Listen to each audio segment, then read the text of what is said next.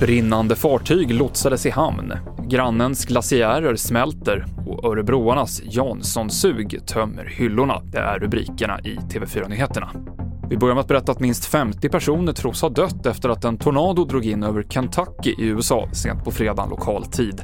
Det här säger guvernören i delstaten. Det var ett av flera stora oväder som drog in över mellersta USA och även andra delstater rapporterar dödsoffer. Det brinnande fartyget i Göteborgs skärgård har nu lotsats in till hamnen på Hisingen. Det här ska ha gått utan komplikationer enligt Kustbevakningen som nu lämnar över huvudansvaret till räddningstjänsten.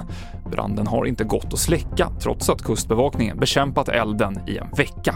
Ja, det säger någonting om branden och allt det virke som är oerhört tätt packat, lastat ombord, både över däck och under däck. Och det vi har velat undvika hela tiden det är att branden ska sprida sig ner i fartyget och under däck för då skulle vi ha en, en situation som eh, frågan är om den skulle ha gått att lösa.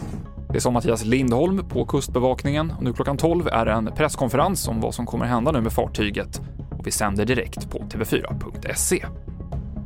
34 av Norges 36 glaciärer har blivit mindre det senaste året, uppger norska myndigheter. En glaciolog förklarar den här minskningen med att det under längre tid smält mer snö och is under sommaren än vad det faller snö om vintern.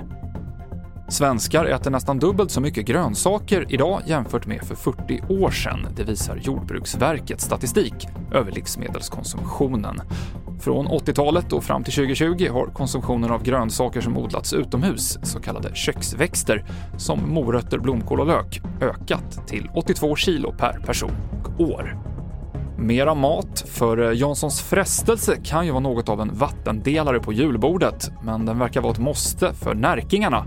Efter rapporter om att det kan bli ansjovisbrist så har folk hamstrat inför jul, säger matbutiksägare i Örebro län till Närkes Allehanda.